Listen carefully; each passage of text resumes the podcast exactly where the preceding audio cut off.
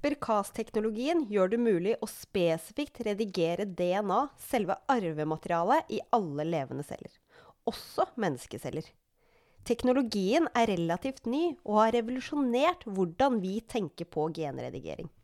Men hvordan kan vi bruke CRISPR-Cas i mennesker? I Biopodden i dag skal vi snakke om det å bruke CRISPR-Cas i mennesker. Er dette fremtidens løsning på alle våre sykdommer? Hva tror du, Elina? Kanskje. Ja, jeg er enig. Jeg svarer midt på det. Det er i hvert fall et potensial der. Det er veldig stort potensial. Det er det. Det er jeg helt enig i. Vil du at vi skal gå gjennom veldig fort hvordan CRISPR faktisk fungerer? Ja, det, det tror jeg er lurt. fordi jeg tror det er mange som har hørt om CRISPR, og så uten at man helt skjønner hva det egentlig er for noe, og hva det går ut på.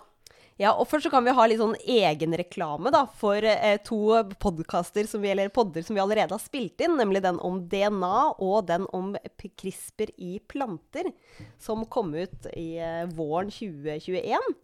Eh, som vi kan anbefale å høre på. Da snakker vi enda mer om CRISPR enn det vi kanskje skal gjøre her, eller hvordan teknologien fungerer. Men i liksom bunn og grunn så er det jo en DNA-saks, CRISPR. Så det man kan når man bruker CRISPR, er å gå inn helt spesifikt, altså på helt spesielle steder eh, som man velger selv, av arvematerialet vårt, DNA, og klippe. Og hva skjer da når man klipper? Ja, det blir brutt, da. Det blir er akkurat som en vanlig saks. Det stemmer. Og i menneskekropper, da, siden vi har så fancy, kule celler, så vil jo da disse cellene begynne å reparere der hvor eh, klippinga har skjedd. Og noen ganger så kan man da ende opp med en feil eller en endring akkurat der hvor klippinga har skjedd. Og det er liksom dette man utnytter litt da, i CRISPR-Cas9. Nemlig at man kan klippe akkurat hvor man vil i DNA, og at cellene vil eh, prøve å, å reparere dette, og at dette noen ganger feiler litt. At det går litt gærent. Ja, For det er på en måte målet å skape en endring. Ja. Ikke at den skal klippes og repareres, men at den skal klippes og så sys sammen. Eh, Så nesten så det blir et lite arr der, på en måte. ja. Og det arret er det man er ute etter. Ikke sant? Og det arret kan enten være et helt tilfeldig arr, eller så kan man liksom gi eh, cellene en slags oppskrift på hvordan det arret skal se ut. Og da kan man eh, lage arret akkurat som man vil, og få akkurat den endringen man vil. Plastisk kirurgi i genene. Plastisk, det går vi for! Det er jo kjempekult! Og så, men det, så er det jo det vanskelige, da. Det er jo litt eh, det etiske. Både rundt plastisk kirurgi og på, på gennivå. Det er det som kanskje uenigheten eller kontroversene går i, da. I mennesker så er det definitivt det, ja. Ja. Hvordan skal man bruke denne genredigeringa etisk riktig i, i mennesker? Har du noen eh, tanker? Hva tenker du, Eline? Jeg syns jo at sånn terapeutisk så er det jo vanskelig å argumentere for at man ikke skal kurere sykdom når man kan det. Når man ser at Altså hvis man gjør alle kliniske tester og man ser at det funker, og det er ikke så store Det er ikke noe risiko med det, liksom. Um, så tenker jeg at det, det kan jo fort ende opp med at det er mye bedre å bruke den teknologien enn eh, medisiner som har bivirkninger, f.eks. Så eh, jeg syns det er vanskelig å argumentere mot at man skal bruke genterapi, da. Eh, når, når det er mulig og trygt. Eh, det Ja. Men det er vel akkurat det som du nevner der med risiko, som er det store. At denne CRISPR-saksa, den klipper jo der man vil, men man er jo også redd for at den klipper andre steder. Mm. Men det er jo en utfordring med all medisin. Altså for det er bivirkninger med annen medisin også. Sånn at du blir, jo ikke, du blir jo ikke kvitt risiko. Det blir du ikke, og det er jo derfor det faktisk er lov i mange land å bruke genterapi eh, til å kurere sykdommer. Men den største kontroversen, det er på en måte ikke hvorvidt vi skal bruke det i terapi. Det er jo eh, dette med muligheten for å lage designermennesker. Ehm, det er jo det som er kanskje mest uh, kontroversielt, da. Ja, fordi jeg leste meg litt opp på etikk og genredigering. Vil du høre hva jeg kom fram til? Ja. Jeg kom fram til at i 2015 ca. Uh, og nå snakker vi om genredigering i mennesker, altså, i menneskeceller. Så i 2015 uh, så gikk verden, altså USA, Kina, alle de store forskningsnasjonene, de gikk sammen og skulle bli enige om liksom, etisk standpunkt og hva skal man genredigere i mennesker. Og det de kom fram til, er egentlig at enn så lenge, så det vi, med det, den informasjonen og det vi kan nå, så er det greit å eh, redigere menneskeceller og bruke de, men du får ikke lov til å redigere kjønnsceller. Så det betyr at du får ikke lov til å gjøre genredigeringer som blir med i generasjonen etter deg. Og 2015 det er jo et interessant uh, år med tanke på akkurat det der. Uh, for jeg tror jeg vet hvorfor den, uh, hvorfor den enigheten kom til da. Ja. Og det er fordi at i 2015 så hadde kinesiske forskere første gang brukt CRISPR-teknologien på menneskeembryoer. Altså ikke menneskeceller, men to kjønnsceller, en sædcelle og en eggcelle som har smelta sammen og blitt til begynnelsen på et menneske. Det er et, eh, et embryo. Eh, og da hadde de brukt CRISPR-teknologien til å redigere i det. Uten at det ble noe barn av det, men de hadde rett og slett forsket på eh, eh menneskeembryoer. Ja. Og når man gjør en endring i disse, dette embryoet, så blir jo det med i alle cellene til et eventuelt barn, og da også videre i generasjoner. I hvert fall hvis du gjør det i den, den første, første, cellen ja. eh, som blir til. Og eh, nå ble jo ikke dette satt inn i en kvinne, og det resulterte ikke i noe svangerskap. Eh, men det resulterte i en kjempestor vitenskapelig diskusjon. fordi før det så hadde man på en måte vært litt sånn enige om at eh, nei, der går grensen for forskning. ikke sant? Vi skal ikke forske på, på embryoer, vi skal gjøre det i kroppsceller hos voksne mennesker. Det mm. kan man. Men etter det, etter 2015, så var det flere land som bare Å ja, de har gjort det i Kina. Først så fikk Kina kjempekritikk for dette. Og så gjorde alle det. Ja. Man, det er eh, kanskje kjipt å le av det, men, eh, men, det ble tillatt i veldig veldig, veldig mange land etter det. Eh, vel å merke uten at dette skulle bli til mennesker, da, men at det, er lov å, det lov, ble lov å forske på embryoer. Mm. Ja, for man kan se for deg sånn Hvis man gjør en CRISPR i en voksen person, f.eks. Elina, hvis jeg CRISPR øyecellene dine, så blir jo ikke de med i et fremtidig barn fra deg. Men det er akkurat som hvis jeg hadde uh, fika til deg, og du hadde fått en blåveis. Det blir heller ikke med videre. Nei, det... For å bare liksom komme med en punch Vi liker tilbake. Det. Vi liker det. Men akkurat dette med liksom å gjøre det i embryoceller og, og faktisk eh, putte det tilbake i eh, en mor, og se om det da blir et individ som har blitt krispa, det kommer meg kanskje inn på ditt første eksempel. Jeg vet ikke helt uh... Gjør det. Og jeg tenkte at det er kanskje greit å starte der, fordi det er det mest berømte eksempelet. Eh, og det tok verden med storm i 2018. Og med sjokk. Og sjokk, ja. Og sjokk. ja veldig stor, uh, stort sjokk. Fordi da var det en kinesisk forsker eh, som heter Jiangkui He. Eh, han la ut en video i 2018 der han sa at det er født et tvillingpar som er de første genmodifiserte menneskene i verden. Lulu og Nana heter de to. To jenter. Og han hevdet i denne filmen at eh, de hadde blitt genmodifisert i et bestemt gen. Det skal vi komme tilbake til. Eh, og at de hadde fullsekvensert DNA til disse to tvillingjentene etterpå. Eh, og at det var kun i dette ene genet det var endringer, ifølge han. Så, eh, og at de ellers er helt friske og normale. Um, så han hadde gjort det som de egentlig i 2015 ble enige om at de ikke fikk lov til å gjøre? Ja. Altså gjort endringen, putta det tilbake i en mor og fått barn. Ja, ikke bare det, men han hadde jo øh, gjort Forsøkt å gjøre, dette hos syv ulike par. Men det er bare det, dette ene paret hvor det var, ble resultert øh, Som vi vet om, da. Hvor det har resultert i en graviditet med genendringer hos barna. Og eh, det, var ikke, det var ikke hva som helst de forska på, fordi dette her Eh, tilsynelatende så er dette gjort ordentlig. Altså Han hadde registrert det i noe som heter Clinical Trial Registration. Um, og det var blitt godkjent av etiske komiteer i Kina, ser det ut som, på denne nettsiden.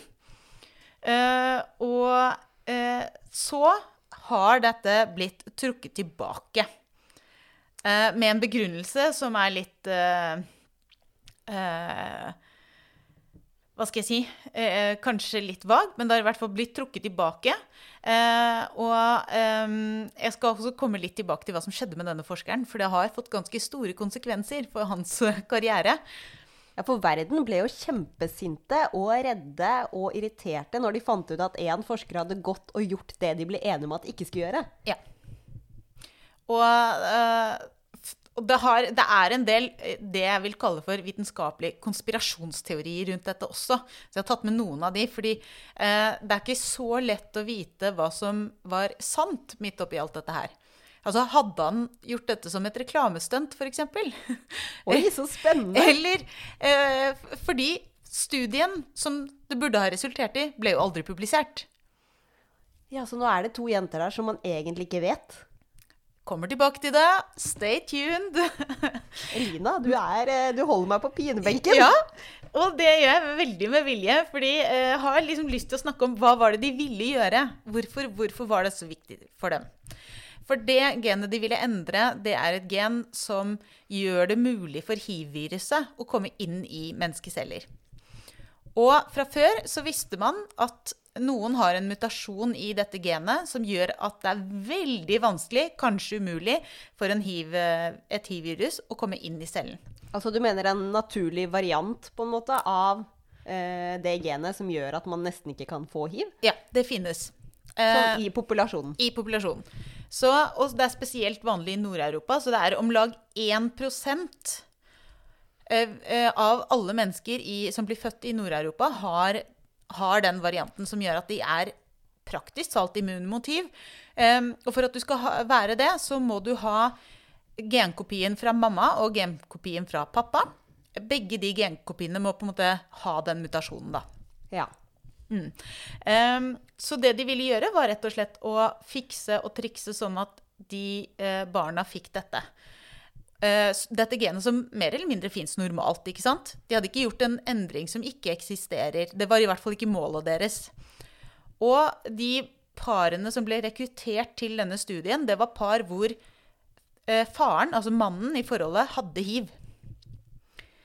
Så de ville, og jeg tror de spesifikt ville gjøre det for å sørge for at barna definitivt ikke kunne få det.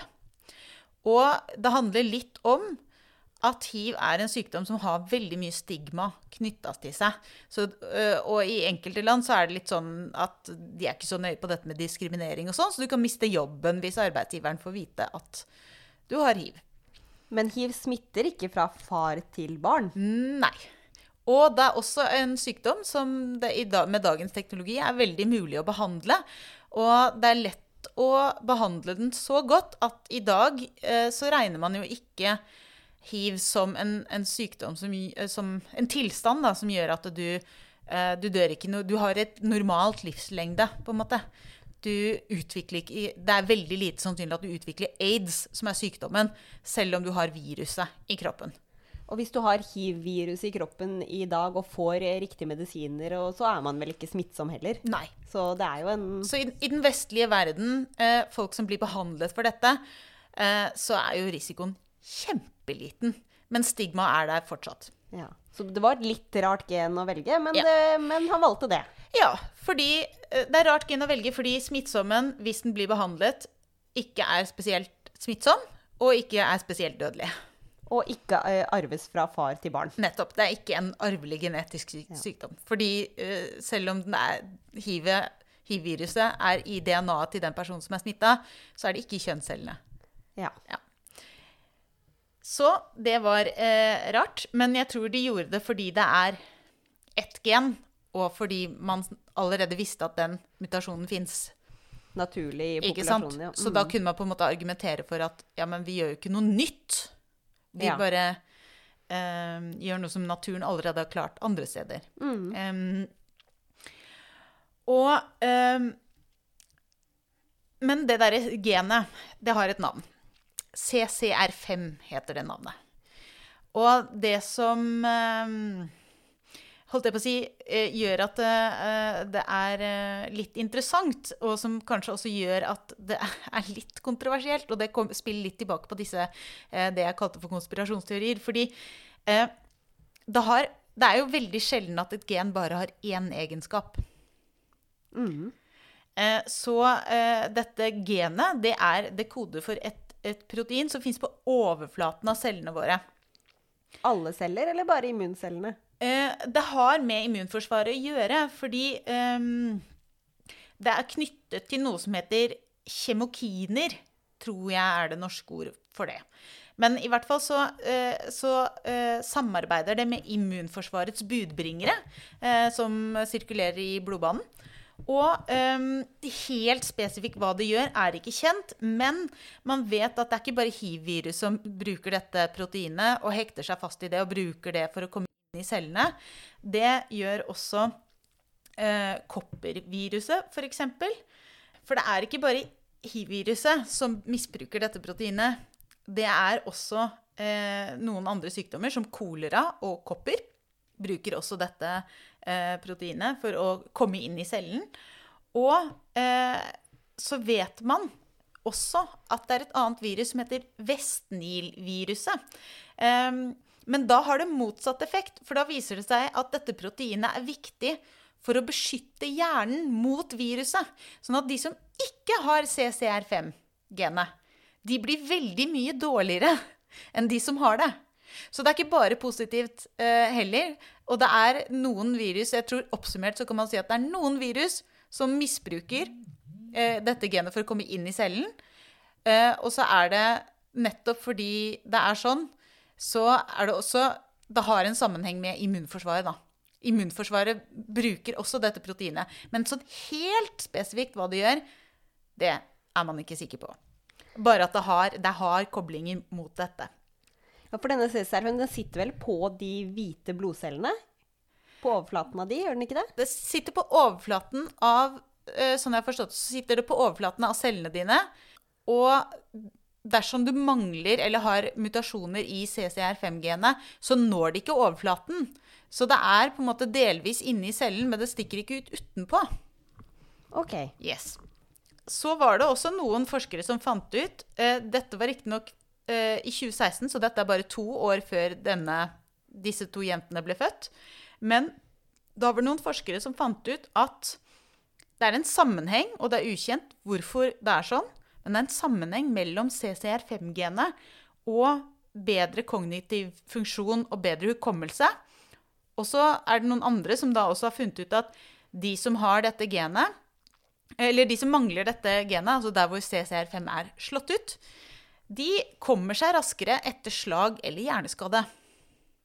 Og hvorfor det er sånn, det vet man ikke, men man bare ser at det er en sammenheng. Eh, og da kan man jo begynne å spekulere i disse konspirasjonsteoriene. Fordi det er noen som mener at den originale grunnen til at de ville endre på akkurat dette genet, var ikke hiv-resistens, men å kanskje gi disse jentene bedre kognitive funksjoner.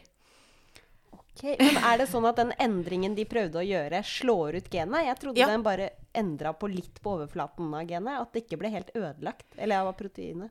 Ja, men det blir ødelagt på den måten at det ikke funker etter intensjonen, da. Ok. Ikke sant? Så det slutter å funke. Så man konspirerer med at han skulle gjøre, lage smarte barn. Ja. Det var bra konspirasjonsteori. Veldig bra konspirasjon. Og det er jo veldig vanskelig å bevise om dette stemmer eller ikke.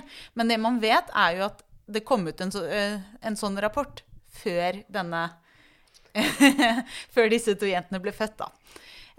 Um, og man visste jo om CCR5-genets link til hiv også i forkant, sånn at uh, disse tingene var kjent. Uh, og så er jo spørsmålet ble disse to jentene egentlig genmodifisert? Altså, hva skjedde der egentlig? Fordi, som jeg sa, studien har jo ikke kommet ut. Det er ikke blitt publisert, og tillatelsen til arbeidet som han gjorde, den er trukket tilbake igjen. Um, men så har MIT uh, Review gått gjennom dataene, og um, av det de har kommet ut med, da, så viser det seg at Lulu, den ene av jentene, hun mangler deler av genet. Så CRISPR har rett og slett klart å klippe av eh, deler av, av genet. Eh, men problemet er at det sannsynligvis bare har skjedd i den ene kopien. Det vil si, du får jo en kopi fra mor og en fra far. Det er bare den ene hvor dette har skjedd. Så hun er ikke beskytta mot hiv. For hun har en intakt kopi. Hun har én variant som er, eh, Som- fungerer, og en som ikke fungerer. Nettopp. Da har hun de fungerende, så da kan hun fortsatt få hiv. Ja. Så det var jo dumt. Det var, var teit, ja. Og Nana, hun, eh, der var det det motsatte som skjedde. For i det samme genet så ble det lagt til noe. Ikke tatt bort noe, sånn som hos Lulu, men det ble lagt til noe eh, på ene, den ene kopien av genet. Og så ble det slettet noe fra den andre. Som er to forskjellige ting. Um, og så ikke nok med det. Altså, hennes, begge hennes genkopier er da ødelagt. Det betyr at hun er sannsynligvis hiv-resistent. Hun kan ikke få det. Men det som er problemet her, er at når du forsker på embryoceller, så deler de seg jo. Du må gjøre dette mens det bare er én celle. For at du skal være sikker på at endringene du gjør, blir med videre i alle cellene som kommer etterpå. ja. Det gir jo mening. Ja. Denne endringen ble gjort etter at cellene hadde begynt å dele seg. Så sannsynligvis så er Nana det man kan kalle for en genetisk mosaikk. Altså at alle cellene i kroppen har ikke fått denne endringen. Så hun er heller ikke resistent mot hiv. Bare noen deler henne. Bare noen deler, og man vet ikke hvilke. Nei. Så uh, dette har jo ikke funka. Og eh, så er det jo også en kontrovers til som, som uh, har eh, på en måte herjet. Uh, fordi det ble publisert en studie som linket CCR5-genet til kortere livsløp. Altså man lever kortere. Den er trukket tilbake igjen. Så da kan man ikke si at den endringen på en måte bevisst kan føre til en eh, kortere liv hos disse to jentene. Og per i dag så vet man jo egentlig ingenting. Eh, fordi det er forskjellige genendringer som har skjedd i de to tvillingjentene. Og den ene av dem er sannsynligvis en mosaikk, så det er ikke den samme endringen i alle kroppscellene hennes. Oi, men ingen av dem ble resistente mot hiv. Så denne studien er veldig kontroversiell. Den var ikke godkjent og har egentlig ikke kommet ut. Og det er mange konspirasjonsteorier eh, ute og går. Eh, men det kan se ut som at dette er den første studien hvor de faktisk genredigerte embryo, men det funka ikke som de håpa. Yes. Så det, er, det er, tror jeg er konklusjonen. Men, men det er viktig å si da, at det, eh, fra det jeg kunne finne, så så det ut som dette egentlig var godkjent i forkant. Eh, det er trukket tilbake. Det er det som har skjedd. Ja. Det er rett og slett noen som har gått og sagt at du får ikke tillatelse å gjøre forsøket du allerede har gjort likevel. Fordi hele verden ble så sinte på oss, virker det jo nesten litt sånn. Virker nesten litt sånn. Men Kina har en genteknologilov som er fra 2003, hvor, hvor det egentlig kom fram at det ikke skulle være lov. Så hvorfor han da hadde fått den tillatelsen i utgangspunktet, er jo litt rart. Og eh, med det så lurer du sikkert på hva som skjedde med han forskeren da, etterpå. Jeg lurer Ble han kasta i fengsel? Han burde jo det. Ja, han ble kasta i fengsel. Han ble det? Ja, han fikk tre år. eh, Og eh, for illegal medisinsk praksis, det er begrunnelsen. Eh, Han får heller aldri lov til å forske på eller gjøre noe som helst medisinsk med fertilitet. Så han får ikke og han får ikke lov til å forske videre på dette. Eh, Og han må betale en, en helt hinsides stor sum penger. Eh, Og to av medarbeiderne hans ble også dømt eh, for, for dette her, da. Helt ærlig, det fortjener de. Ja, men jeg lurer på Det jeg lurer veldig på, er hvorfor fikk han den, fikk han den tillatelsen, og hvorfor fikk han den? Og burde ikke de også egentlig blitt dømt? Helt sikkert. Men jeg føler han aldri burde søkt om den engang. ja, altså det var jo i strid med reglene, så uh, ja. Men Elina, til, no, til noe helt annet. Fordi dette her er jo et veldig viktig eksempel fordi det har vært så mye uh, rundt det. ja. Det er en kjempesnakkis. Det er en kjempesnakkis og en kjempestor greie innenfor CRISPR i mennesker. Men det er jo litt sånn negativt lada med at det ikke var lov, og at det egentlig ikke funka som det skulle. Ja. Så jeg føler vi må liksom gå litt over til et av mine eksempler, som faktisk forteller litt om hvordan CRISPR kan hjelpe oss mot sykdommer i mennesker. Ikke sant? Jeg er helt enig, jeg- men jeg syns det var viktig å få tatt dette eksempelet bare fordi det har vært så omtalt. Det er eh, veldig sant. Og jeg syns det er viktig å få frem en, eller forskjellen med å faktisk eh, redigere embryoceller, da, som de prøvde på i dette eksempelet, og å redigere celler i en voksen person, Ja, som da det- ikke blir med videre. Det er to helt forskjellige ting. Ja, og det er jo det siste der som man holder på med, og prøver å få til å fungere. Og de har fått det til å fungere for noen sykdommer. Og jeg har et eksempel på akkurat det. Vil du høre? Selvfølgelig. Vi skal til januar 2021. Det er ikke lenge siden denne studien kom ut. Eh, og det er en gruppe, Frangol et al. er da eh, artikkelen. Og de har klart å behandle en person med sigdcelleanemi. Og da tror jeg du må si hva det er. Og da, det første vi skal gjøre, er å si eh, hva sigdcelleanemi er. Det er en sykdom som går på transport av oksygen i blodet. Og de som har da sigdcelleanemi, de, eh, eh, de har et ødelagt hemoglobin, egentlig. Ja, Og Ødelagte blodceller, på en måte. Ja. Og ødelagt hemoglobin er, hemoglobin er jo det som transporterer oksygen i blodet. Og de har et ødelagt det, noe som fører til ødelagte blodceller. Og blodcellene til en person med sigdcelleanemi de blir liksom form av en sigd. Litt sånn som en bønne, istedenfor å være runde. Og når de er sånn bønneforma, så kan de klumpe seg sammen. Og skape liksom eh, store klumper i blodårene og tette blodårer og sånn. Så det er jo veldig uheldig for de som har sigdcelleanemi. Gjør kjempevondt og er kjempefarlig. Og i tillegg så er det disse bønnesigdblodcellene. De transporterer blod, eh, nei, oksygen veldig dårlig. Så personer med sigdcelleanemi har veldig lav eh, blodprosent og veldig dårlig eh, transport av oksygen. De har mye vondt, de blir fort andpustne. De eh, har det egentlig helt forferdelig. Og det er ikke noe løsning. Det høres egentlig ut som det er veldig veldig vanskelig å leve med det i det hele tatt. Det er veldig vanskelig å leve med det, og alle med eller sigdcelleanemi de har betraktelig forkorta levetid. Så de lever mye kortere enn en personer som ikke har sigdcelleanemi. Og dette er en genetisk sykdom. Det kommer av at en av de enhetene som er i hemoglobinet, som heter beta-enheten, den har, en, eh, har fått en mutasjon, en endring, som gjør at det er- skjer noe med ladningen på overflaten av den. Og når den ladningen endrer seg, så klumpes det sammen, og liksom hemoglobinet blir ødelagt. Da, bare pga. én enkelt bitte lite mutasjon i hemoglobinet. Man skal ikke kødde med mutasjoner. Man skal ikke tulle med det. Og dette er en sykdom som egentlig blir bare verre og verre med årene.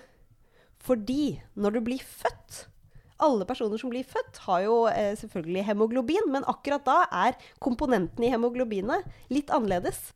Man har noe som heter liksom nyfødt hemoglobin. Og da eh, har man en gammaenhet istedenfor den beta-enheten. Så hvis du har en ødelagt beta-enhet fordi du har sigdcelleanemi, så vil du ikke merke det når du er nyfødt, for da har du mest sannsynlig bare denne gammaenheten istedenfor. Men kan ikke alle bare få gammaenhetene? Ikke sant?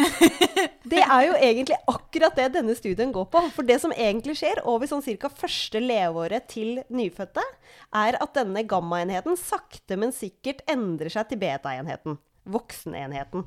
Og for alle oss som har, liksom, eh, har en funksjonell og ordentlig beta-enhet, så er jo det bare kjempefint. Oksygen transporteres, og alt går fint.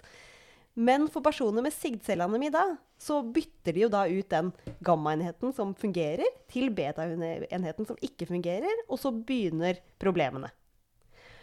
Og så er det noen forskere som har funnet ut at personer som egentlig har en slags mutasjon som gjør at gammaenheten alltid er skrudd på, så nyfødtenheten alltid er skrudd på, de får nesten ikke sigdcelleanemi, selv om de har en ødelagt beta-enhet. For da vil jo hemoglobinene deres alltid inneholde noen av disse gammaenhetene. Og eh, dette vil da liksom konkurrere ut og bytte ut noen av de syke beta-enhetene. Så personer som egentlig har en sånn påbryter For denne gammaenheten, eller nyfødtenheten, skal egentlig skru seg av i løpet av det første året. Det er liksom nyfødtblod eh, ja. hele livet. Nyfødtblod heter hele livet. Så hvis du egentlig har liksom genetisk eh, eh, sigdcelleanemi, men du har nyfødtblod hele livet, så blir du ikke syk. Men eh, kan jeg bare spørre om en ting? Er det, hvorfor skrus det av nyfødtblodet i det hele tatt? Det vet jeg ikke. Noen ganger må man være ærlig. det er helt sikkert en grunn. Jeg gjetter jo noe med at det kanskje har med hvor godt oksygenet binder til hemoglobinet, f.eks. Ja. At det skal binde bedre når du er nyfødt enn når du er voksen. At det har liksom noen sånne egenskaper da, som er viktigere når du er nyfødt, og ikke så viktig når du er voksen. Men jeg, jeg, det har jeg ikke lest på, så det var bare en gjetting. Jeg tenker jo at det må være en grunn som er veldig god, eh, men at eh, den kanskje ikke er kjent. Og så blir jeg veldig nysgjerrig på om dette er vanlig blant de som ikke har sig- sigdcelleanemi. Altså liksom, hvor vanlig er det å gå rundt med babyblod? Ja, så jeg har ikke en prosentandel, det har jeg ikke. Men de som går rundt med babyblod, det er fordi eh, den bryteren som skal skru av babyblodet, Ja, den har en mutasjon. Så den skrus ikke av nettopp. Så da produserer du voksenblod og babyblod. hele tiden. Ja. Og eh, dette skjer jo Blod produseres jo i stamceller i beinmargen din. Så at du produserer jo nye blodceller hele tiden. Så egentlig for å produsere babyblod, så må du jo da ha stamceller i beinmargen din, som da eh, har påbryter av babyblodet. Så du alltid får liksom babyblod. Og det var egentlig akkurat det disse forskerne hadde lyst til å gjøre. Så ta egentlig stamceller som produserer eh, blod, og ta de ut av en kropp, og redigere de sånn at babyblodbryteren skrus på, og putte de tilbake i personen. For de vet at hvis en person produserer babyblod eh, i tillegg til da de syke voksen sigdcelleanemi i blodet, så vil personen ha det mye bedre og ikke ha så mye sigdcelleanemi. Så det var det de gjorde. De brukte en donor denne gangen, men tanken er at man skal kunne bruke personens egne celler og ta de da ut av beinmargen, redigere med CRISPR. Og det kan man gjøre med en helt enkel mutasjon. Egentlig akkurat det samme som du snakka om med CCR5-genet, så er jo dette en mutasjon som fins allerede i noen personer. Så de bare liksom hermer etter den, introduserer den endringen som skrur på babyblodet i disse stamcellene, putter de tilbake i beinmargen. Og da vil disse stamcellene fortsette å produsere babyblod i tillegg til voksenblodet. Men siden det er såpass mye babyblod, så blir det masse transport av oksygen i blodet til personen som egentlig var syk, og eh, symptomene går ned. Det er jo kjempebra. Det er jo veldig gode nyheter. Hvis det virker, da. Ja, og, og tror du det fungerer? Jeg håper det. Vi snakker om Jeg tror denne studien faktisk er den første studien hvor de har brukt CRISPR så aktivt for å eh, behandle en sykdom. Og jeg ville bare si at den er sponsa, studien altså, av et sånt CRISPR Therapeutics Company. Så det er, eh, det er viktig å få med seg at det ikke bare er offentlige midler som har sponsa denne studien. Men de har da en pasient som hadde sigdcelleanemi, som fikk stamceller eh, som hadde babyblodet skrudd på, og som da vil få denne pasienten til å produsere babyblod i tillegg til sigdcelle, eh, syke sigdcelleanemiblod. Og det de gjorde aller først, var jo å se på denne pasienten. Hvor syk var hun egentlig? Hun var 33 år, hadde sigdcelleanemi, eh, var ganske syk. Hun hadde hatt, jeg tror det var i gjennomsnitt, gjennomsnitt syv sånne eh, blodpropper, stopper i blodet, i løpet av ett år. Året Oi. før hun fikk behandling, noe som fører til sykehusinnleggelse, kjempevondt, kan være veldig, veldig alvorlig. I tillegg så hadde hun jo veldig mye vondt og veldig store problemer i livet generelt, av noe som man alltid har når man eh, har sigdcelleanemi. Hun ble behandla med blodoverføring og egentlig smertestillende hele tiden. Og så fikk hun da disse stamcellene som skrudde på nyfødtblodet. Steg én var jo å se hvor mye nyfødtblod hadde hun før de begynte. Og da var 9% av hemoglobinet hennes er, var, var nyfødtblod. Oi. Men det er vanlig. Man alltid har liksom alltid bitte litt. Ok, så vi har, alle vi har bitte litt nyfødt blod? Ja. Alle vi har bitte litt nyfødt blod. Eh, og så ga de henne disse stamcellene som skal skru på eh, enda mer nyfødt blod. Og når hun da var ja, på starten, så hadde hun 9% nyfødt blod og 75% syke sigdcelleblod. Så det er jo veldig mye sykt blod. Ja. Etter tre måneder etter da hun fikk da denne transplantasjonen med disse stamcellene som skrudde på nyfødtblodet, så var det 37% nyfødtblod og 30% sigdcelleblod. Oi, så det hjalp for de vanlige beta-voksenblodcellene også? Ja, eller det går jo ned. Nettopp, Ikke sant? Fordi du kan tenke deg at du skal ha en viss mengde blod i kroppen. Ja. Og når da mer av det blir med nyfødt blod, Ja. så blir jo mindre av det med den andre. Nettopp, ja. For det er jo egentlig en- en komponent av Du skal ha et visst antall blodceller i kroppen hele tiden, og da går det prosenten av de, da. Når du får skrudd på denne nyfødtblodet, så går det liksom, da får du mer av det, og så får du mindre av det andre. Fordi Ja. totalen skal jo være den samme. Og så så du på det eh, også etter 15 måneder, og da var det 43 nyfødt blod. Så det hadde jo gått enda mer enn eh, opp. Men 50% sykt sigdcelleblod. Hva skjer med de resist de resterende 7 prosentene? Det er da uh, voksenblod som ikke har fått sigdcelleformen ennå. Ok. Så ja. det kan man også ha. Ja, for det var det egentlig det jeg lurte på. Det var en prosent som mangla. Ja, så det er voksenblod som ikke så, Men det som er, disse nyfødtblodet kan ikke få den sigdcelleformen, kan ikke bli sykt. Ja. Så jo mer av det du har, jo mindre sjanse har du jo for at blodcellene dine blir syke. da. Og alle de nyfødtblodprosentene kan jo transportere oksygen og ha det bra. Så fra hun fikk den transplantasjonen, helt i starten så hadde hun én episode, tror jeg det var, eller hadde noe. Men fra liksom det begynte å bli en stor prosent av nyfødt blod, så hadde hun ingen av de alvorlige eh, hendelsene med tette blodårer. Og hun hadde ikke fått noe overføring av eh, blodoverføring for oksygen. Og hadde da et eh, mye, mye bedre liv.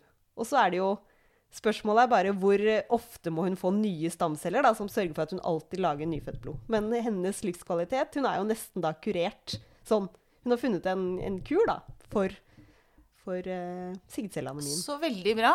Også, men så, lurt, så, lurer jeg nå på hvorfor kan ikke hun bare få Kan man ikke ta bort alle stamcellene sånn at du bare lager nyfødt blod? Er det Det er vanskelig å ta bort celler fra en kropp. Ja.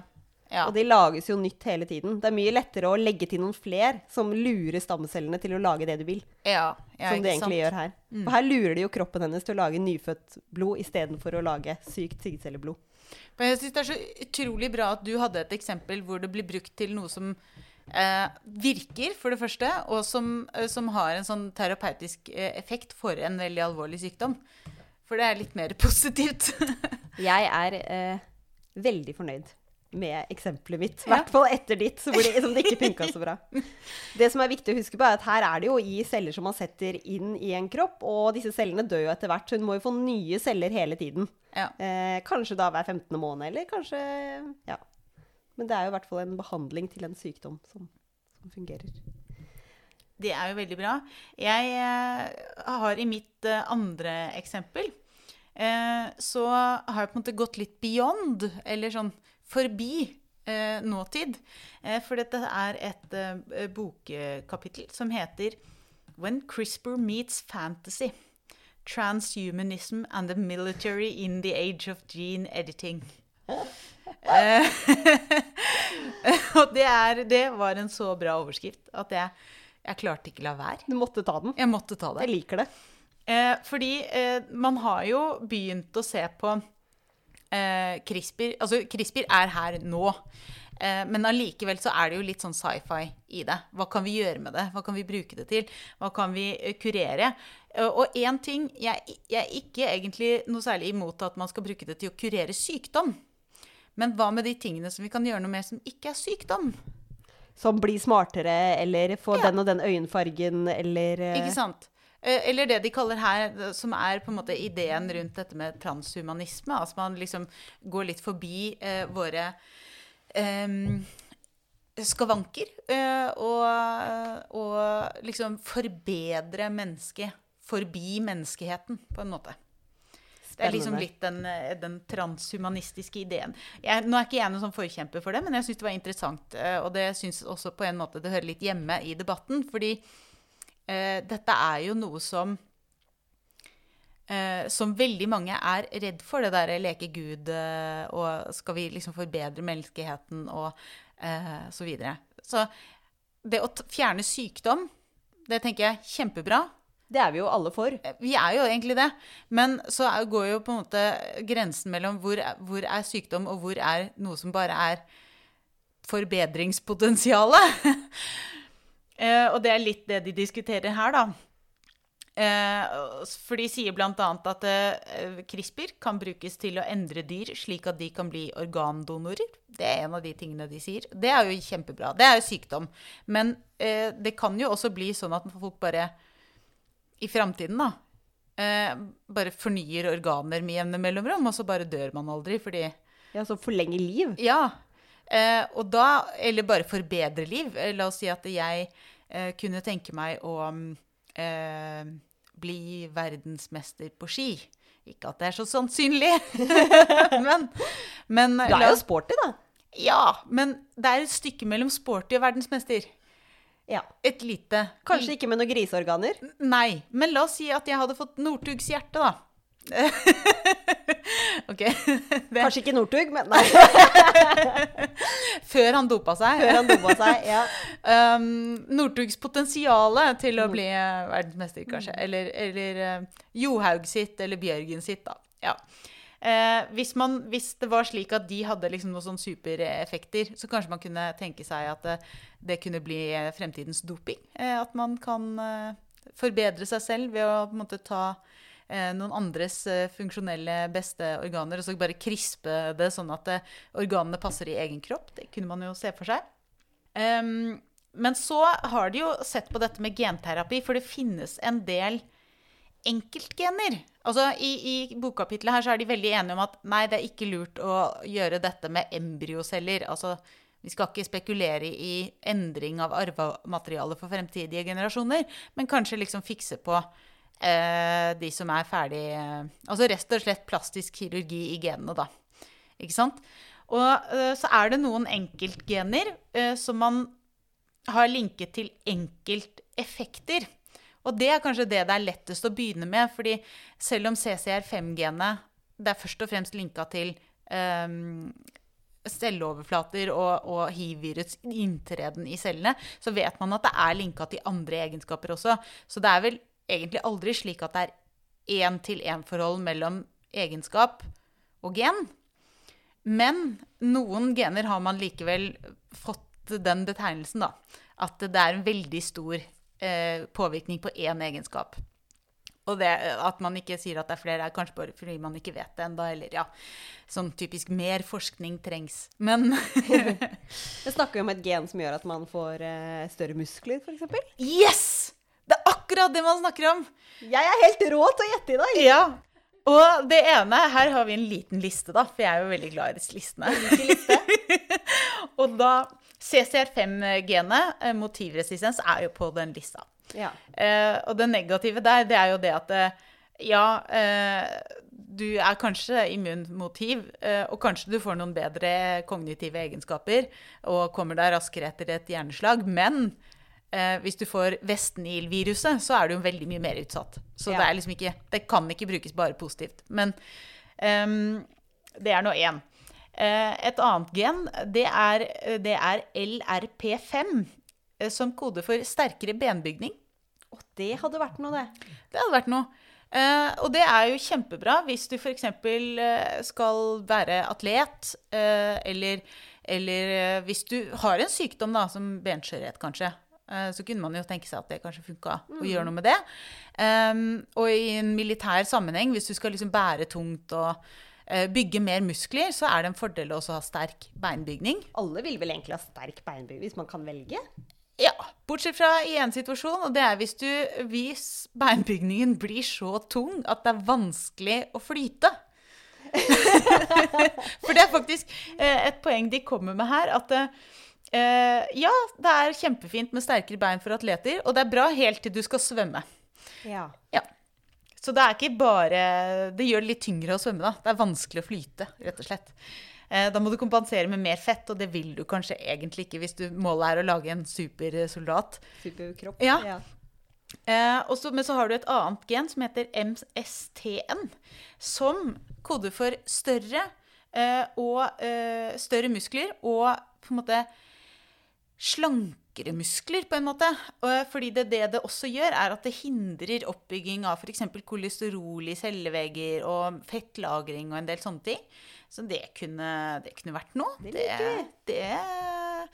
det er sikkert mange som kunne tenke seg litt av dette genet. Og, og ja, sannsynligvis så finnes det jo disse mutasjonene eh, allerede. Det er derfor de vet om dem. Ja. Noen har det. Noen har det. så hvis du liksom har en venn som bare aldri legger på seg, og som har ganske store muskler, så kan du liksom se for deg at hmm, du det er ikke en MST1-mutant. um, så har vi en som jeg syns er en liten favoritt, fordi det er SCN9A. Det er et gen som koder for hvor godt du kjenner smerte. Oi, det er litt spennende. Det er kjempespennende, og det kunne man jo se for seg at kanskje er lurt å ha eh, for en eh, fremtidig soldat. For det er jo litt det de egentlig eh, diskuterer her, da. Sånn militær bruk. Av genredigering. ja, Lage en soldat. rett og slett. Men tenker de det er bra at man ikke kjenner smerte, da? Ja, det var, det, det var utgangspunktet deres. Men så må jeg jo bare si at jeg tenker at det er kjempeteit å ikke kjenne smerte. Man må jo det. Man kjenner jo smerte for å unngå å skade seg. Nettopp! Så jeg tror at det kan godt hende at de tenker at det er en god idé i utgangspunktet. Og det er sikkert lurt hvis du, eh, hvis du ikke har noe fordel av den smerten. Men nesten alt Altså hvis du har vondt i ryggen, f.eks., og det bare ingen finner ut hva det er, og det ikke gagner deg å finne ut av det, så er det jo veldig greit å ta det vekk. Det er sant. Eh, men nesten alltid så er det jo sånn at smerte er der av en grunn. Du, hvis du begynner å skade vevet ditt så det gjør vondt, så skal du jo ta liksom, Det skal gjøre vondt for at du skal forhindre at det blir skada, Ja. på en måte. Og de som av en eller annen grunn har en, um, en uh, mutasjon i dette genet, eller som av andre uh, årsaker ikke kjenner smerte, altså at nervecellene er skada eller noe sånt noe, de får ofte veldig store problemer. eh, og får skader fordi de ikke kjenner smerte før vevet er ødelagt. Ja. Så eh, å ikke kjenne smerte er en mye større risiko enn å kjenne smerte. Så, men det er i hvert fall kobla til ett gen, eh, og det er jo gøy. Eh, Så har du også mulighet for norovirusresistans. Eh, Altså alle som har hatt omgangssyke med norovirus. Og på en måte Ja. Mat kommer ut fra alle kroppsåpninger, på en måte, i ekspressfart. Man vil gjerne ha resistens mot det. Ja, Ja, det er jeg enig i. det høres ut som en veldig god idé. Ja. Um, så har du også malariaresistens. Um, og så har du noen uh, forbedringer, som f.eks. at du kan øke uh, hvor langt ned du kan dykke. Altså en eller annen form for sånn trykkresistens. Og det har sikkert noe med sånn gassomsetning i blodet og sånn å gjøre. Um, du har hvor lenge du kan holde pusten når du dykker, er også kobla til ett gen. Uh, høydesyke er kobla til et annet gen, som gjør at eh, da kanskje soldater liksom, i stedet for å bli kvalme og svime og- av på jeg vet ikke hva det er, 5000 meter, eller hvor høydesyke inntreffer. Eh, men, men eh, de- Tror det er før det, men ja. men i hvert fall så, så tåler de det bedre, da. Så det er en ting. Høy oksygentransport, sikkert en kjempefordel. Eh, og så er det eh, en annen, og siste favoritt kanskje, mindre søvn. Det hadde vært noe! Ja, I hvert fall jeg som har et bitte lite barn. Akkurat det der trenger jeg. sjukt digg å kunne klare seg med mindre søvn. Og det er også det de tenker med disse supersoldatene. At det er sånn La oss eh, genmodifisere det genet, for det er tydeligvis et gen. Ett gen for dette. Det genet hadde jeg likt å ha. Så ehm, Og så kommer de Og alle disse genene er på en måte per i dag kjent. eh, kjente, dette er kjente endringer som får kjente, relativt kjente konsekvenser. Eh, men de spekulerer jo også i om det f.eks. ville være mulig å gjøre det Å gi mennesker egenskap til å spise gress, for da kan man leve av veldig mye mer. Og sånn, Med tanke på klimaendringer og sånn, sikkert kjempelurt å gjøre oss eh, gresspisende. Nå så jeg for meg liksom kuer og mennesker Og soldater! og soldater hånd i hånd. Du har liksom en sånn flokk med kyr, og så, så står alle soldatene på alle fire. Akkurat det jeg så for meg. Og liksom en soldat bare 'Den tua her er min'. Så fant en tur med skikkelig Krigen om gresset, liksom. og så har de det å tåle høyere nivåer av stress. Økt input fra lukt eller hørsel, altså at man rett og slett gjør det gjør, Supersanser. Ja, ja, en form for sens økt sensitivitet. Um, så skriver de også øke eh, immunforsvarets beskyttelse mot sopp, virus, bakterier og andre ting som kan brukes i litt sånn bioterrorøyemed. Altså at det liksom ikke funker på soldatene. Kjempedumt hvis det funker på sivilbefolkningen og soldatene overlever, og så er det bare Bare soldater. ja. Um, og så er det dette med høyere utholdenhet og, og muskelvekst. Da. Og så tenker jeg, når de nevner det, så, så uh, tenker jeg at framtidens idretts... Uh, altså liksom gendoping. Uh, det tror jeg blir Da kanskje jeg begynner å se på idrett med litt nye øyne. Det, når de begynner med det, så blir det jo vanskelig med dette doping... Det er sant. ikke sant? Det Ehm, veldig Da må man på banen igjen. Finne ut hvem som er krispa. Ja, og det kan jo bli vanskelig, fordi veldig mange av disse mutasjonene er jo ting som fins, ikke sant? Ja. Så da må du ha sånn genprøve fra da de var små, og så si sånn Du, vi ser at du har Det har endra seg. ja. Med å geneteste foreldrene og så barna. Ikke sant? Ja. Eh, Ja. Men med tanke på at mutasjoner oppstår av og til naturlig også, så er det jo veldig vanskelig å bevise at noen har blitt Jeg tror vi må ha en litt sånn filosofisk pod en dag, Ja. Elina, hvor vi tenker litt over fremtiden. filosofi på den. Men dette var i hvert fall et bokkapittel som var, syns jeg, da, veldig interessant. Med tanke på eh, militære muligheter for bruk av CRISPR. Jeg liker det. Det var eh, eh, veldig spennende. Mm, og forbedringsmuligheter litt sånn forbi sykdomsbildet, da. Når vi snakker om sykdomsbildet, Ja. så Elina, tror jeg vi skal tilbake for- dit. ja, ikke sant? Til mitt eksempel. Mm. Vi skal redde verden igjen. Ja, vi, altså, vi gjør jo ikke noe annet. Vi gjør ikke noe annet. Nei. Jeg har et eksempel som, eh, hvor CRISPR kan brukes for å løse et ganske stort problem samfunnet har. Ja, det liker jeg. Og det er antibiotikaresistens. Ikke sant? Det er litt mer nyttig kanskje enn eh, sterkere bein og mer muskelvekst. Litt mer nyttig, ikke like morsomt sånn å forklare, kanskje, men, eh, men relativt nyttig. For antibiotikaresistens er jo et veldig økende problem. Som vi ser, flere og flere bakterier blir resistente mot antibiotikaene vi har. Og hvis vi da får sånne multiresistente eh, bakterier, som er liksom resistente mot alle antibiotikaene våre, da har vi ikke noe løsning lenger. Nei, og da kan vi heller ikke bruke dette med organdonasjon, selv om de er krispet uh, riktig. Vi kan ikke gjøre noen ting. Og hvis det blir mye av det, og vi da ikke har noen antibiotikaer som fungerer lenger, så, så kan vi dø av helt enkle infeksjoner, sånn som vi gjorde for 100 år siden, før antibiotikaen kom. Og det må man kunne si at det er litt Jeg ser for meg at det er ganske kjipt, da, å dø av flis i fingeren. Eller antibiotikaresistent gonoré. Det eh, tenker jeg også, at det er et nederlag. Men sånn som det fungerer i dag, hvis noen får veldig sånn multiresistente eh, bakterier eller infeksjoner av det, så blir man jo lagt på isolat. Man kan ligge der kjempelenge. Man prøver masse forskjellige behandlingsmetoder. Er man heldig, så blir man jo kvitt det. Er man uheldig, så ligger man på isolat helt til, helt til man enten dør eller man blir kvitt det, da. Kan ta årevis. Så å finne en løsning på antibiotikaresistens er viktig. Og denne gruppa har sett på om kanskje CRISPR kan hjelpe oss med akkurat det. Nå er jeg veldig spent på Jeg liker det. hva de, hva de gjør. Hva de har tenkt å gjøre. Vi skal til en bakterie som er veldig vanlig, og det er Staphylococcus aureus, Staph aureus, som man pleier å kalle det. Det høres ut som en trylleformel fra Harry Potter. Det høres ut som en trylleformel fra Harry Potter. eh, Så Staph aureus-infeksjoner er ikke det. Det er en, en bakterie. Og på godt norsk så er det da gule stafylokokker. Åh, hvorfor sa du ikke bare det? Det hørtes kulere ut Ja, å si eh, Staphorius. Ja. Så disse gule stafylokokkene de har fått navnet sitt fordi på en petriskål så danner de gule kolonier. De er helt gule.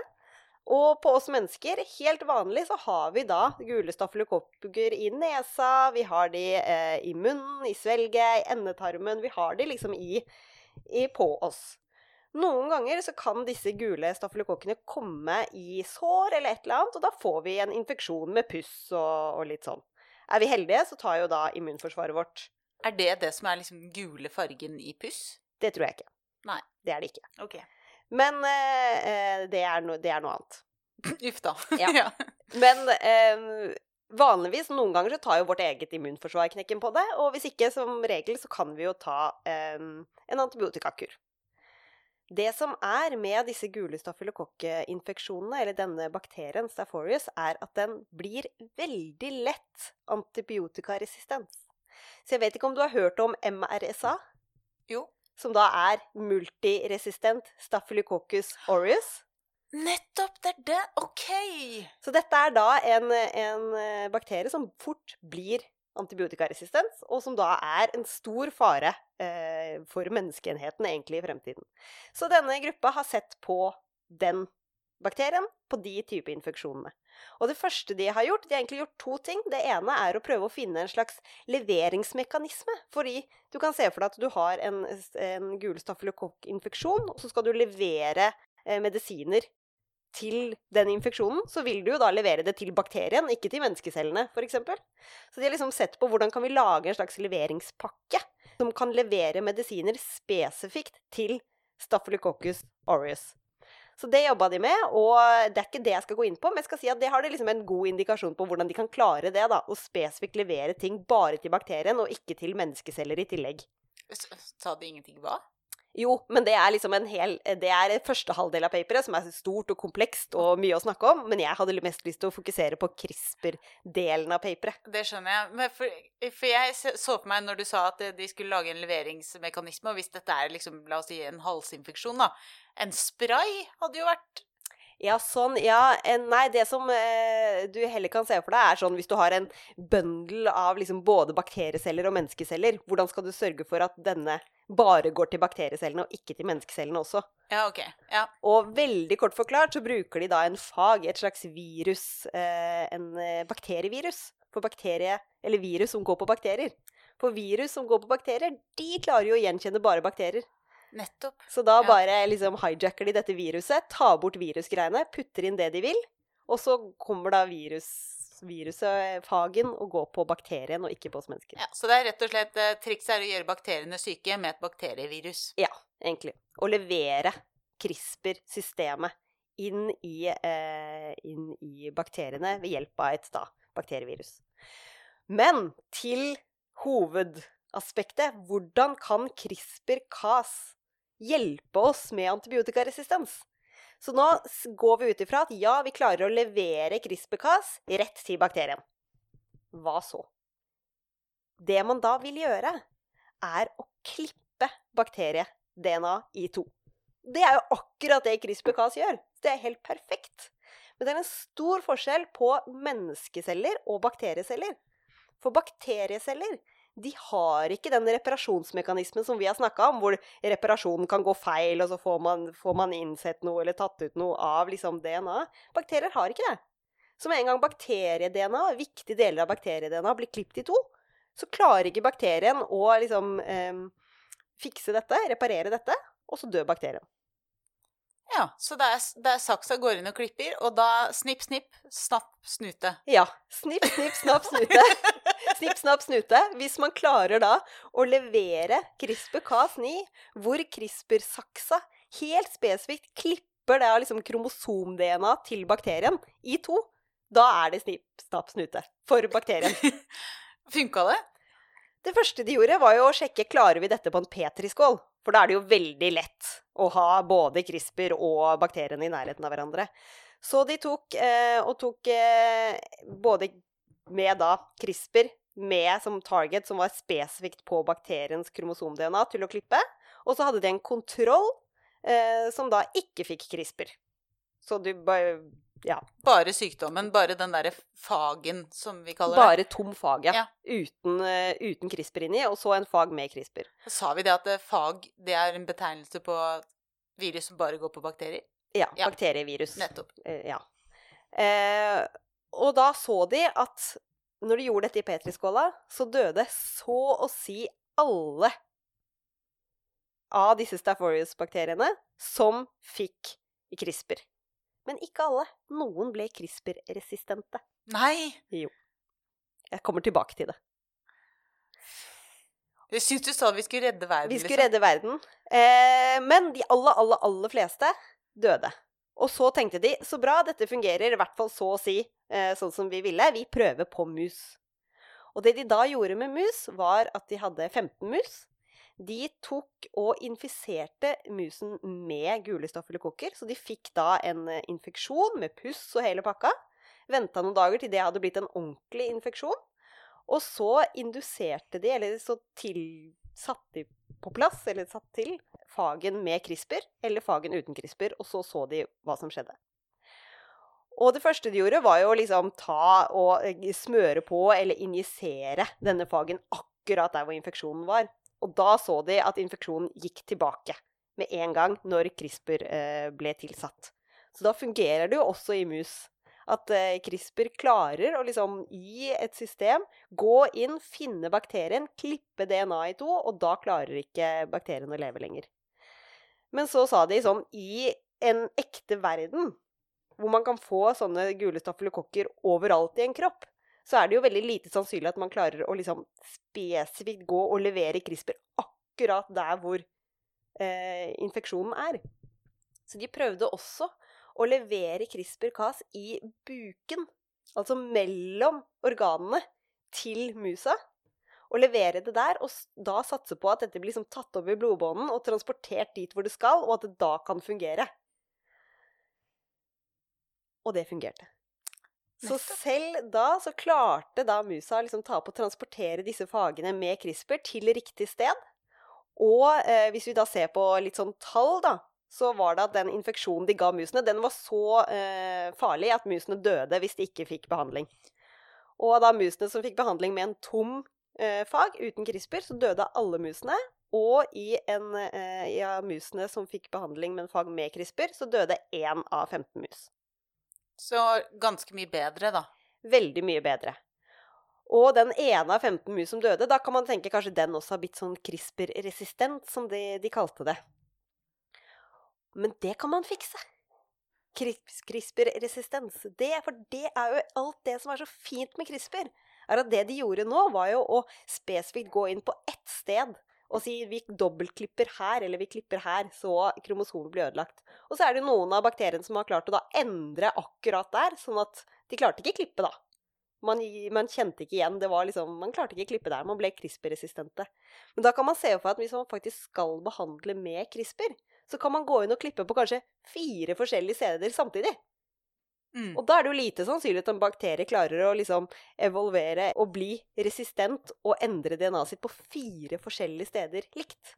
Ja, og hvis den klarer det, så er det jo bare å endre CRISPR-systemet. Ok, da tar vi et nytt sted, da.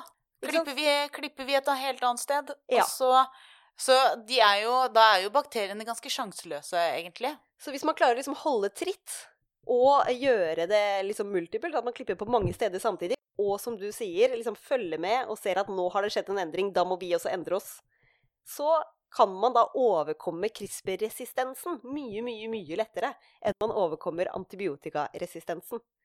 Og det funker på mus, så det er jo en eh, veldig mulighet at man kan klare å levere CRISPR til bakterier, og at det da kan brukes som en slags antibiotika, da, men CRISPR-biotika. Ja, for det er jo kjempebra. Uh, Biotikaresistent har jo vært uh, betegnet som et av våre helse, største helseutfordringer. Eh, og det sprer seg, og det er ingen som har kommet med noe god medisin. Men her er det jo håp. Her er det håp. Og det er gøy at det fungerte i mus, og at det fungerte liksom at det transporteres fra et sted til et annet i musa. Så det er bare å mm. følge med og håpe at vi kanskje kan bli behandla med CRISPR, som ikke skal krispe våre menneskeceller, men som skal CRISPe og drepe bakteriecellene. Og så er det en ting som er viktig å si, da, at eh, med denne teknologien så er det jo veldig mye mer spesifikt. For når vi tar en pille med antibiotika nå, så virker jo den på alle bakteriene i kroppen. Det er ikke så veldig spesifikt. Og noen av bakteriene vil vi jo gjerne ha. Mens eh, disse bakterievirusene som gjør bakterier syke, de er veldig ofte så tar de bare én type bakterier. Mm. Og da er det, selv om man da utrydder disse bakteriene som skaper sykdom, så vil man kanskje ikke ha Det vil ikke ha noen effekt på bakt andre bakterier i tarmen som vi trenger. Nei, Du må jo da velge liksom, der hvor CRISPR må klippe noe som er helt spesifikt for det syke bakterien, mm. da, ikke for de friske bakteriene. Og det som er ekstra gøy med det eksempelet her, er at CRISPR originalt, sånn opprinnelig, så er jo CRISPR bakterienes immunforsvar. Og de bruker CRISPR til å klippe virus, så det ikke skal bli infisert av virus.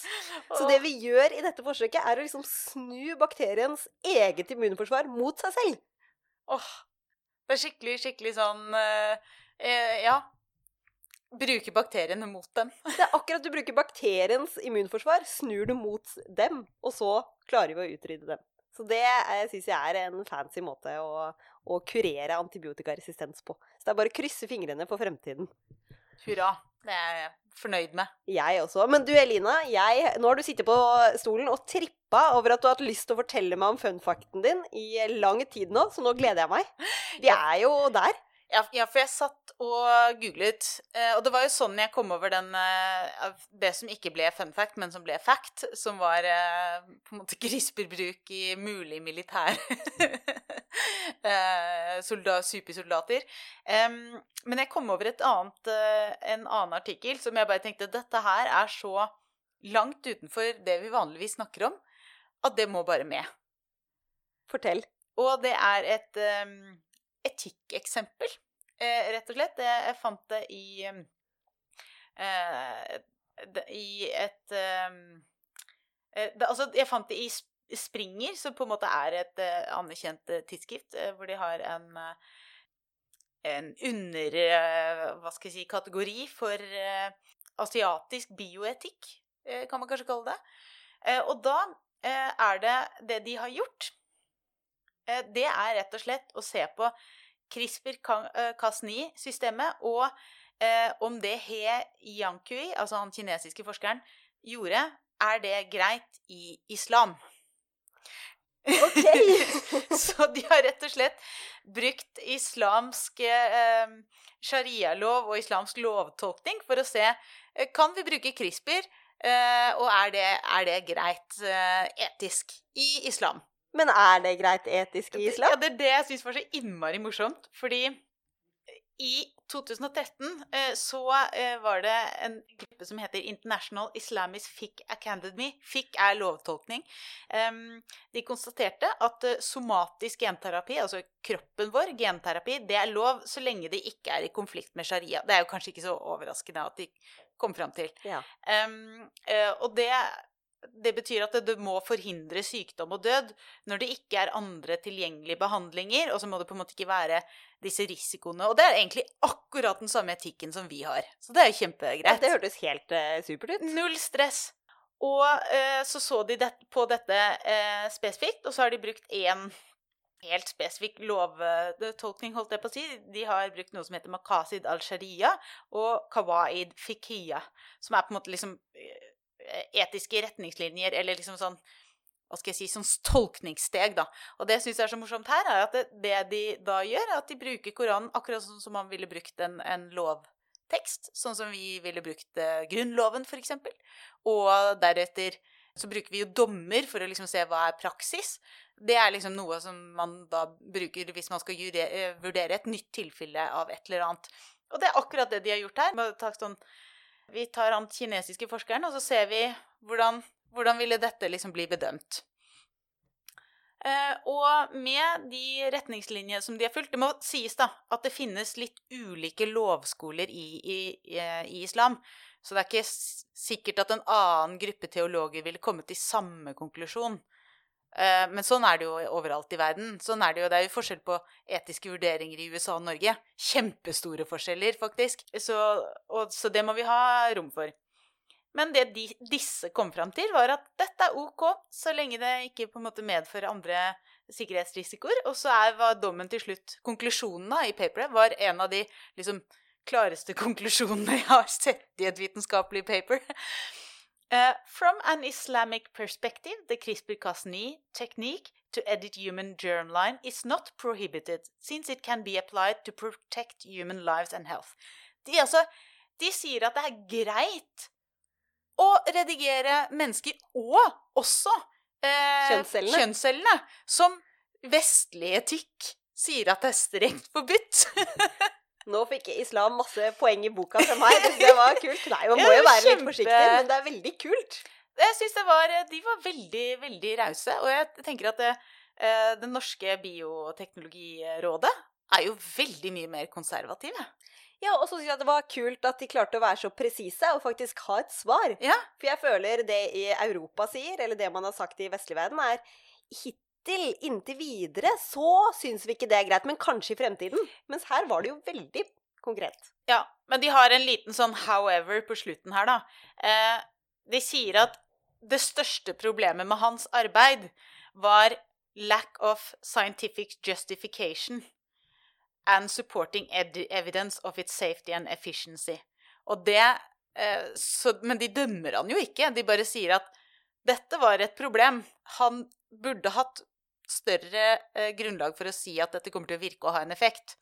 Ja, men det er jeg enig om. Ja, Det er godt at de sier, på en måte. ja, det syns jeg òg. Men selve det å, å genmanipulere eh, potensielle barn, det ser ut som det er noe de syns er greit. Nei, det var, det var bra fun fact. Det var gøy. jeg liker det. Er du klar for min fun fact? Veldig. Eh, vi skal også opp til mitt første eksempel, som var om sigdcelleanemi. For sigdcelleanemi er jo da en sykdom eh, som er homozygot recessiv, noe som betyr at man må få ett sykt gen, en genvariant fra mor, og en syk genvariant fra far, altså to syke genvarianter, for å bli syk. Hvis man er bærer, altså at man har ett frisk genvariant og ett sykt genvariant, øh, og man da er heterozygot, så er man ikke syk, men man er liksom bærer av sykdommen. Og hvis man er bærer, altså heterozygot av sigdcelleanemi, så er man så å si immun, eller har veldig lav sjanse, eller å dø fra malaria. Sykdommen som da er veldig eh, farlig og finnes i Afrika. Og dette er fordi malariaparasitten eh, ikke liker denne formen som noen av blodcellene da får. Nettopp. Så det er liksom noe av grunnen til at, eh, at sigdcelleanemi faktisk er en sykdom som blir igjen da, veldig i, eh, i hvert fall afrikanske populasjoner og sånt, fordi man er så immun mot malariasykdom. Fordi det er en fordel. Det er en fordel å være bærer av sigdcelleanemi. Mm. Og det bringer meg videre til mitt absolutt fun fact. Jeg har to fun fact i én, skjønner du. Jeg juksa litt i dag. Og det er at man har studert på og egentlig funnet en løsning på hvordan CRISPR kan utrydde malaria. For det man kan gjøre, er å krispe mygg sånn i et kjønnsgen, altså et gene som bestemmer om det blir hannkjønn eller hunnkjønn av myggen, og sørge for at alle myggene blir han, hanner. Oi! Og det er et enkelt gen i en mygg, og den kan man krispe og få til at det, liksom, det blir en fordel å være en hann, og at alle har lyst til å være en hann. Og det er hunnmygg som biter, og det er da hunnmygg man får malaria av. Så man kan da bruke noe som heter eh, gendrive, noe som gjør at en eh, genetisk endring blir en populasjon. Så man kan bruke det i en mygg, og sørge for at alle myggene blir hanner. Og på den måten utrydde egentlig både myggen og da malaria. Eh, kjempebra at vi blir kvitt uh, malariasykdom. Men er det ikke litt uh, Bare for å være litt sånn partypooper, som det heter Det er lov. Er det ikke dumt å utrydde en art for det? Liksom? Jeg er litt usikker på eh, Det er sikkert noen fugler være... som spiser den myggen, eller Ja, men jeg vet ikke hvor spesifikk man kan være på akkurat malariamyggen og la all annen mygg være, f.eks. Ja, Så det er Eller om det er eh, noen ting man, man kan, eh, kan, gjøre. Men i hvert fall så går det an å lure eller ved denne CRISPR og gjøre at mygg blir hanner av malariamyggen. Det syns jeg var litt eh, spennende. Altså, det er jo Jeg liker, jeg liker øh, muligheten, og jeg er veldig glad for at noen forsker på det. Og så er jeg litt skeptisk til å liksom helt ukritisk uh, ta det i bruk. Det er absolutt ikke Så de har gjort det på lab, og i en populasjon på lab, men det er nok lang vei uh, før dette skal faktisk gjøres. Men jeg syns det var en spennende tanke. Og uansett så syns jeg konklusjonen må være i dag at det er håp for antibiotikaresistent og mange, mange, mange andre sykdommer. Eh, og mye annet. Og mye annet. Med CRISPR. ja, jeg tror vi da er ferdig med dagens CRISPR-pod. Jeg likte avslutninga med at det er håp, og at vi må holde øyne, ører og gener åpne for CRISPR i fremtiden. Ha det. Ha det bra.